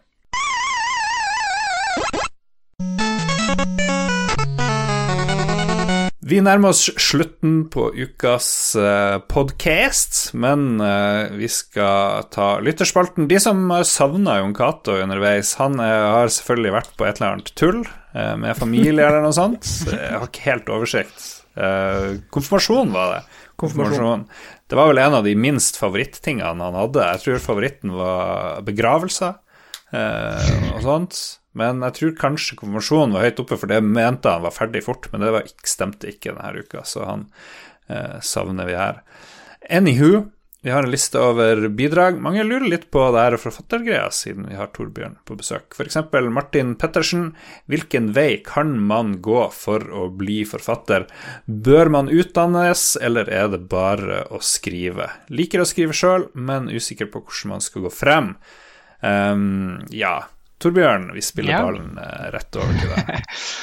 Ja, det er jo ikke akkurat verdens enkleste spørsmål, men jeg skal prøve å ta oss og oppsummere de måte, rådene som jeg mener funker for alle. Da. Uh, og Det første rådet er alt funker ikke for alle. så Det betyr at det finnes ganske mange forskjellige måter å gjøre ting på, og en må finne ut hva en liker selv. Så Det er det viktigste. En må ikke tro at uh, fordi noen sier at det funker for meg, at det funker for en selv. Så det er liksom greit alltid å ha i bakhodet, da, fordi du kan få veldig mange råd som føles riktige fra vellykka forfattere, men det føles feil for seg sjøl, og det kan godt være riktig for deg.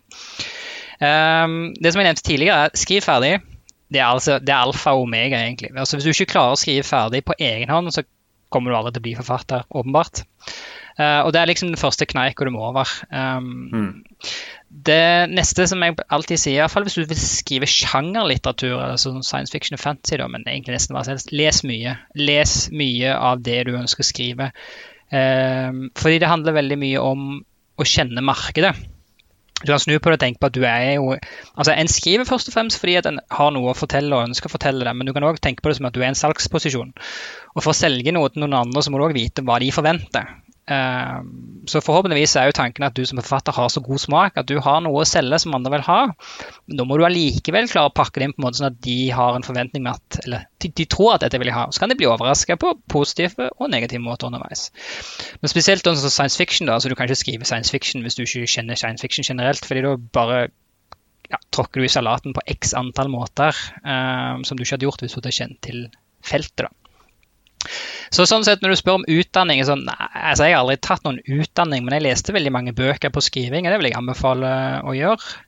Finne ut hvilke ting er det du føler du har kontroll på, men egentlig bare sette seg inn i alt. Um, gjerne gå på noen kurs hvis du syns det er enklest. Du kan få veldig mye ut av det, men du kan få like mye ut av å lese bøker òg. Uh, det er ikke så mange på norsk, men på engelsk så florerer det.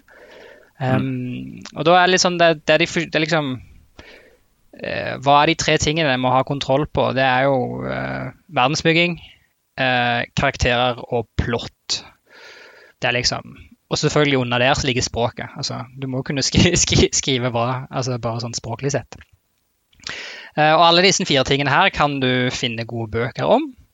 Eh, og den siste beste rådet jeg vil gi, det er finn deg gode betalesere. Finn folk som leser bøker som er det du tror Altså, du har jo en formening selv om hvis du hadde lest dette, så vil du like det jeg skriver. For du, du kommer med de måte, forventningene sjøl. Så finn gode betalesere, og så stol på dem. Uh, I den forstand at betalesere veldig ofte, hvis de påpeker at det er et problem så har de som oftest rett. Eh, hvis de prøver å gi deg løsningen, så skal du nok heller ignorere dem litt. For sånn Det er sånn enkelt, greit råd. Altså, det, det, det, er litt sånn som en leser generelt. Altså, de aller fleste kan lese en bok eller se en film, og så syns de at den er bra eller dårlig, at noe skurrer. da. Men hvis jeg skal påpeke nøyaktig hvorfor det skurrer, så krever det faktisk ganske mye modenhet i de mekanismene som blir brukt for å skjønne hvordan ting blir satt sammen feil eller riktig. da. Mm. Så det er veldig mange som har meninger i den fasen. og det, det må, Noen ganger er det jo, snakker de med flinke folk og kan høre på dem, men et sånt greit tips få andre til å lese det. Hør på hva de sier hvis de sier noe skurrer. Bemerk det, men ikke nødvendigvis se på løsningen deres. Uh, så det er liksom Og så må du tørre å vise det fram. Ikke være redd for, altså, ikke være redd for at uh, folk sier det er ræva eller ikke liker det. Det, det, skjer selv etter du har vært igjennom x antall versjonskontroller og et forlag. så kommer det fremdeles folk og sier men du, jeg likte jo ikke dette. så, så, så, så, jeg bare blir vant til. Det tror jeg ikke kommer utenom. Nei, det er bare sånn det er. Så det, det må, Hvis en er redd for det, så, så er det nok kanskje ikke det bare kunstner generelt noe en bør eh, begi seg ut på. En må være Men eh, det der er vanskelig, jo. Selvfølgelig er det. Den skriver jo ut uh, hjertebarna sine, så Det er jo litt morsomt. Bør man utdannes, eller er det bare å begynne å skrive? Du er jo eksempelet på at det bare er å begynne å skrive. Jeg gikk jo to år på forfatterstudiet i Tromsø, på universitetet der. Har skrevet ca. null linje etter at jeg var ferdig der. Jeg drev og skyldte en stund på at jeg er journalist og skriver liksom fra meg på jobb, men det er veldig mange eksempler på flotte forfattere som har skrevet masse bøker mens de har vært journalister. F.eks. Terry Pratchett eh, gjorde jo det, f.eks. Så Jeg tror, eh, eh, jeg tror fasiten din, Lars, er å gå Stephen King-ruta og bare ta masse, masse dop. og så setter deg foran PC-en og så bare hamrer du løs. Ja. Eh, han har jo skrevet en bok om å skrive, han Stephen King. Det var jo et av rådene hans sett alltid av tid hver eneste dag. Eh, var liksom hans metode, da, for han mente man måtte holde seg varm på et eller annet vis. Og selv om du ikke hadde lyst til å skrive, så bare liksom gjør det. Eventuelt en, en sånn, sånn Jeg vet ikke om du, om du skriver på laptop, Lars, eller hvis du skulle skrevet Eller vil du ha sånn her eh, old school Skrivemaskin? skrivemaskin? Ja, jeg, jeg tror laptop hadde er tingen, men jeg vet ikke. Jeg har ikke funnet min Kanskje, metode. kanskje du liksom. kan eh, ha en sånn gammel PC med MS-DOS og bruke Wordstar? Jeg tror det, for hvis jeg har Facebook sånn Hvordan klarer du å holde fokus? Det lurer jeg litt på. Det er jo uh, Hvordan havner du ikke ut på Reddit og så videre? Oh, ja. Ja, det Ja, altså, jeg bruker Når jeg skriver Jeg bruker noe som heter Scrivener. Det er en sånn eh, har en sånn eh, typisk F11-funksjon som bare blotter ut alt. Så du har liksom Det er kun tekst. Så det er Ja. til og med ikke sånne knapper som i Word. Men eh, altså, det der er det hva, hva enn som virker for en sjøl. Altså, Kona mi, som lever av å være forfatter, kun forfatter, hun skriver først i bok, notatbøker. Mm. Og så fører hun inn på laptop etterpå og redigerer det. Så det er litt sånn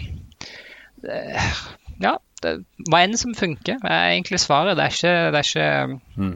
det er ikke. Men for øvrig det jeg si, On Writing av Stephen King er en av de beste bøkene om skriving som finnes. Etter min Mm. mening. Uh, og hvis noen har tid og lyst, så vil jeg veldig anbefale en journalistutdanning. Det er ikke sikkert du blir uh, forfatter Nei, jeg anbefaler ikke en journalistutdanning, det gjør jeg også, men jeg anbefaler et forfatterstudium enten i Bergen eller Tromsø eller hvor enn, for du møter hele tida kule forfattere som eh, leser gjennom tingene du skriver, og så deler du. Du blir veldig fort vant til å dele ting med andre, fordi i hvert fall sånn i Tromsø, så det, ved hver samling så delte man det man hadde skrevet, så da blir du veldig fort kvitt eh, eh, hva, hva enn eh, eh, sånn tilbakeholdenhet eh, Ang du måtte ha. angsten for å dele. Ja. Ikke nødvendigvis ikke nødvendigvis angsten, det må du leve med. men men det, er, det er lurt å tvinge seg sjøl inn i sånne situasjoner der du bare Ja, nå, nå, nå leser andre mitt, og det er greit. Det. er. Ja. Katarina Berg Rue lurer på om forfatteren har noen forslag til bøker som bør leses, som ikke inkluderer hans egne. Uh, ja, det, ja jeg, har, jeg har faktisk en Goodreads-konto. Um, Hvis du måtte, hvis du måtte eh, anbefale to bøker To bøker som jeg mener alle bør for å lese. begrense det, å begrense det litt Å, gud. Du, du kan nevne en serie. En nevne en serier, serie. Ja, Ja. vi kan si det. Det blir Hardeguttene. Popsi-barna! altså, ja, altså, så må det jo være noe som eh, kanskje folk ikke har hørt om òg, da. Ikke nødvendigvis altså, det beste. Det, um, jeg kan ta fantasy. Fantasy, Da finnes det en trilogi som er skrevet av um, som Den første boka heter The Bear and the Nightingale. Eh, som foregår i sånn Altså, det er Russland, da. Eh, med, tar utgangspunkt i noe av russisk mytologi. Det er utrolig eh, pent og vakkert skrevet. Tre bøker der. Den siste kom nå vel i januar. Veldig bra fantasy. Eventuelt Ja, nei, altså, ja jeg vil absolutt for folk som liker fantasy, så vil jeg definitivt heve meg på, på Neil Asher-biten. Og så selvfølgelig klassikeren òg. Altså, hvis vi skal på en måte bøker alle som skal lese science fiction. Eh, Heinlein er kanskje noen som ikke folk har lest. 'Stranger in Ja. a Strange Land'. Det er veldig lenge siden jeg leste den, og så prøvde jeg å lese det på nytt. Det var en helt annen opplevelse, Ja, faktisk. Så hvis det er lenge siden du har lest det, så må du prøve det på nytt. Ja, det, det, og, og Asimov òg er, er fascinerende. Og gjerne jeg tror, Det som er interessant nå Dere har kanskje snakket om The Free Body Problem tidligere. Ja, jeg og Lars er veldig store fans. Ja. Lukato du hater det. altså, fordi, fordi Det er så annerledes. Altså den der typiske altså Den kinesiske kulturen sniker seg inn unna på en måte som er, Mm. som er utrolig Veldig. fascinerende og veldig relevant òg for science fiction. Um, jeg driver og leser um, sørkoreansk science fiction og setter meg inn litt i det, for jeg ble invitert til å være med på messe der i sommer. Du leser hva for noe, sa du? Sørkoreansk science fiction. Å ja, sørkoreansk. Sørkoreansk, ja. Wow. Uh, og der òg legger jeg merke til på en måte, altså bare sånn For jeg fikk et sånt spørsmål om uh, altså norsk science fiction, hva, er så, hva, hva preger det? da? Så fikk jeg en innføring i hva som preger sørkoreansk science fiction. Mm. Og det er veldig klart at hvis du ser på utviklingen til Norge, lille Norge, som er på en måte Ok, vi har hatt, vi var med på andre verdenskrig, men ellers har vi, vi har ikke, vi har ikke hatt mye diktatur her. Og så hopper du til Sør-Korea og ser på deres ser på deres utvikling. Og, og på en måte hvordan med, med eh, sensurering og masse sånne ting. Så er det klart at det påvirker jo alle forfattere i det landet, inkludert science fiction-forfatterne. Og det skaper en helt annen type Så jeg tenker det å lese science fiction som kommer fra andre land, er faktisk veldig interessant. Eh, For det gir Mm. bare en helt annen type opplevelse. Og sånn sett så er The Free Body Problem er det kanskje det beste eksempelet. Men jeg så òg, jeg, vet- jeg vet ikke om dere rukker det, men den uh, The Wandering Earth, som er basert på en av novellene til samme forfatter som The Free Body Problem, kom jo på Netflix her i to-tre dager siden. Og vi så, så, så den i går kveld. Der òg okay. legger du merke til altså, den kinesiske undertonen som gjør noe helt annet med science fiction. Da. Så det jeg skal ikke si at det blir bra filmer av det, uh, automatisk av den grunn. Men det blir annerledes og interessant, kanskje? det blir annerledes interessant, og, og for så vidt konseptet for den, for den novelle som han har skrevet, og for filmen, er superinteressant. Uh, altså bare jorda, Du flytter jorda bokstavelig talt, og hvordan de løser det. Jeg syns det var en skikkelig kul tanke. Så det, ja, det er noen anbefalinger. Og alle, alle burde lese siste boka i Freebody, Ja, syns jeg, da. den siste Altså, boka er- er den beste. Sinnssyk science fiction. Den er fantastisk. Utrolig stilig. Ja, jeg, eh, jeg digger den. Vi moser på. Kristoffer Kristoffer Getboys Hansen Leistad, beste navnet nesten i Norge. Han sier han har et eh, eh, særdeles uoriginalt spørsmål.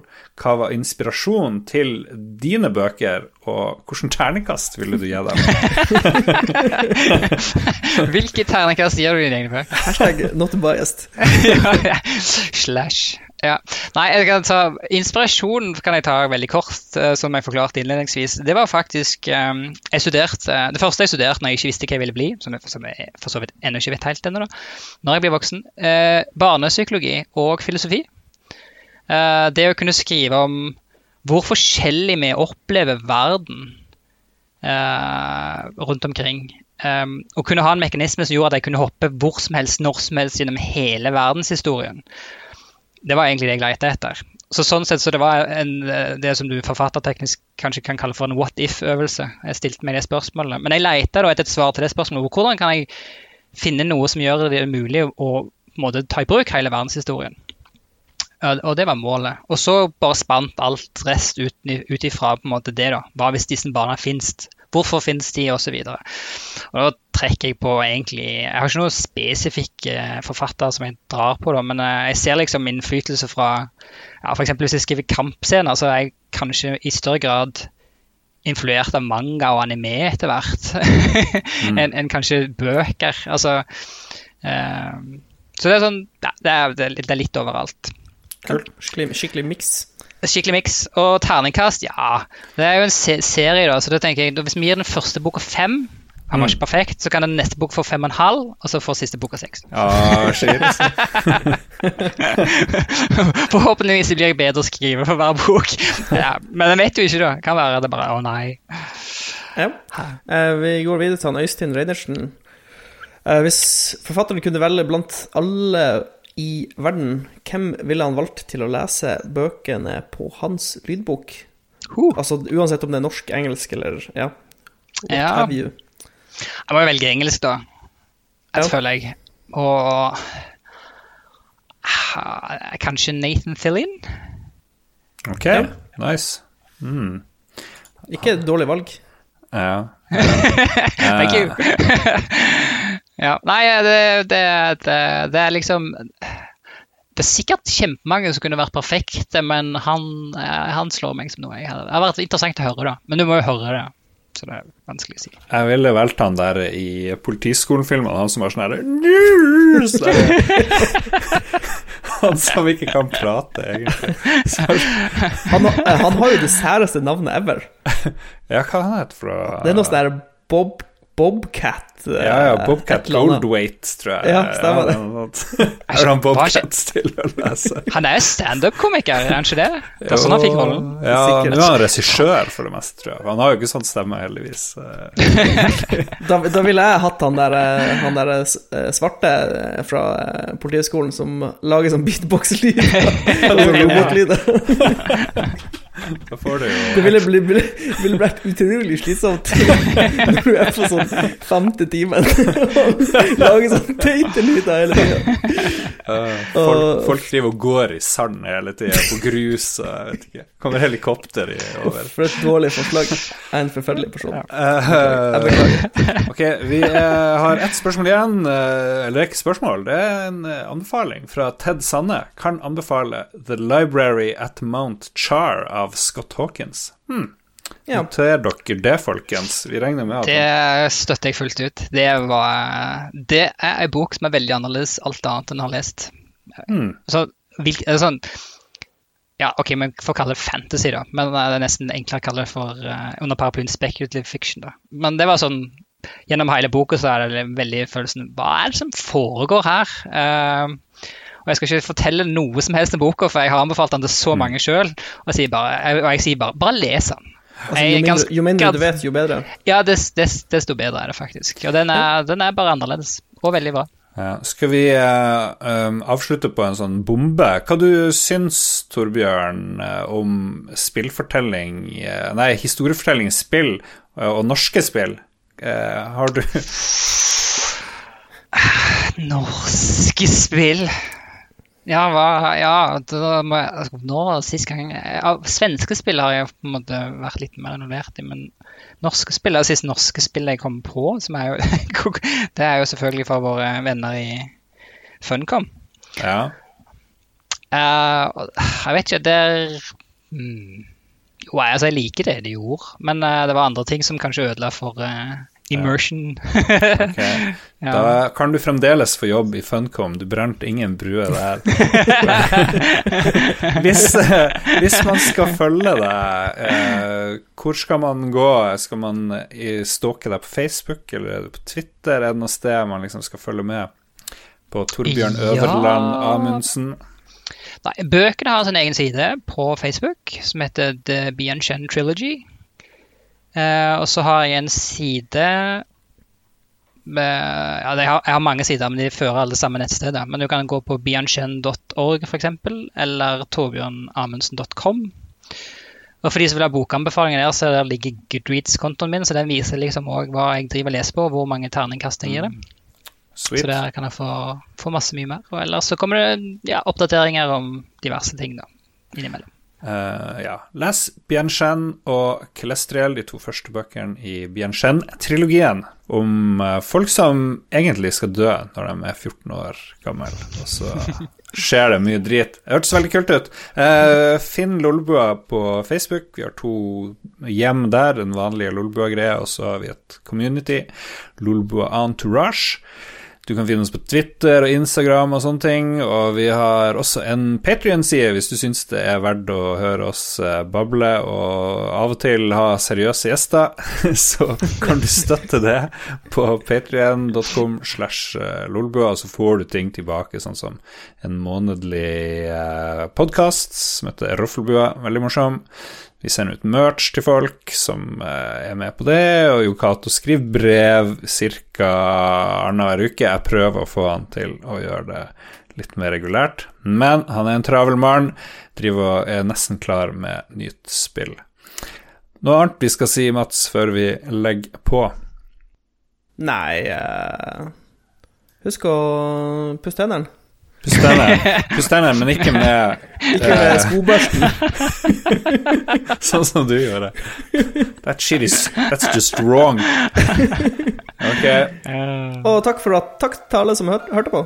Ja, og takk til produsentene. Og takk til alle som hører på episoden senere i tid. Ja. Nettopp. Senere i tid. Jeg vet ikke hva det betyr. De fleste vil høre på det her senere i tid. eh, takk til produsentene TTMXMP, Kobrakar og Rolf Helge. Vi snakkes. Ha det bra. Ha det bra.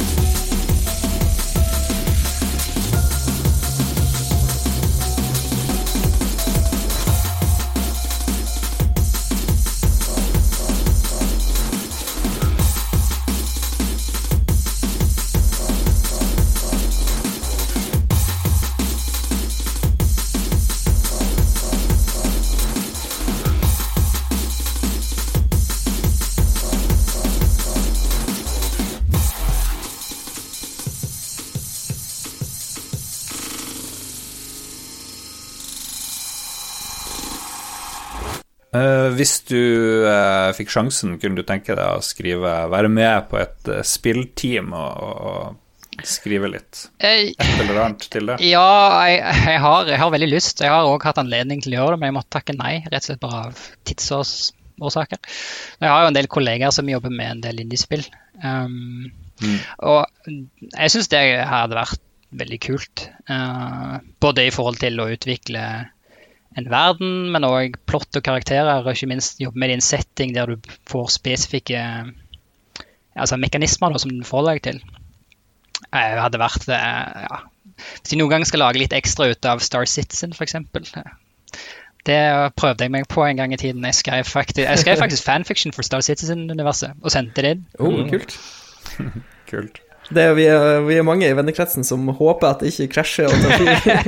Men det, det, det, verste, altså det begynner jo faktisk å ta form nå, eh, syns jeg, da. Ja, nei, altså Eh. så lenge Altså, de gjør ting riktig, og det tar bare utrolig lang tid, selvfølgelig, men uh... Spillmekanisk begynner det Ja. å ta form med tanke på plattformen. Men de må jo fortsatt lage et spill rundt plattformen. Det er jo det som er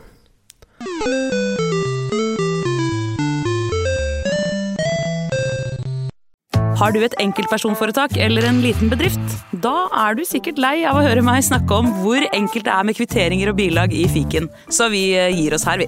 Fordi vi liker enkelt. Fiken superenkelt regnskap.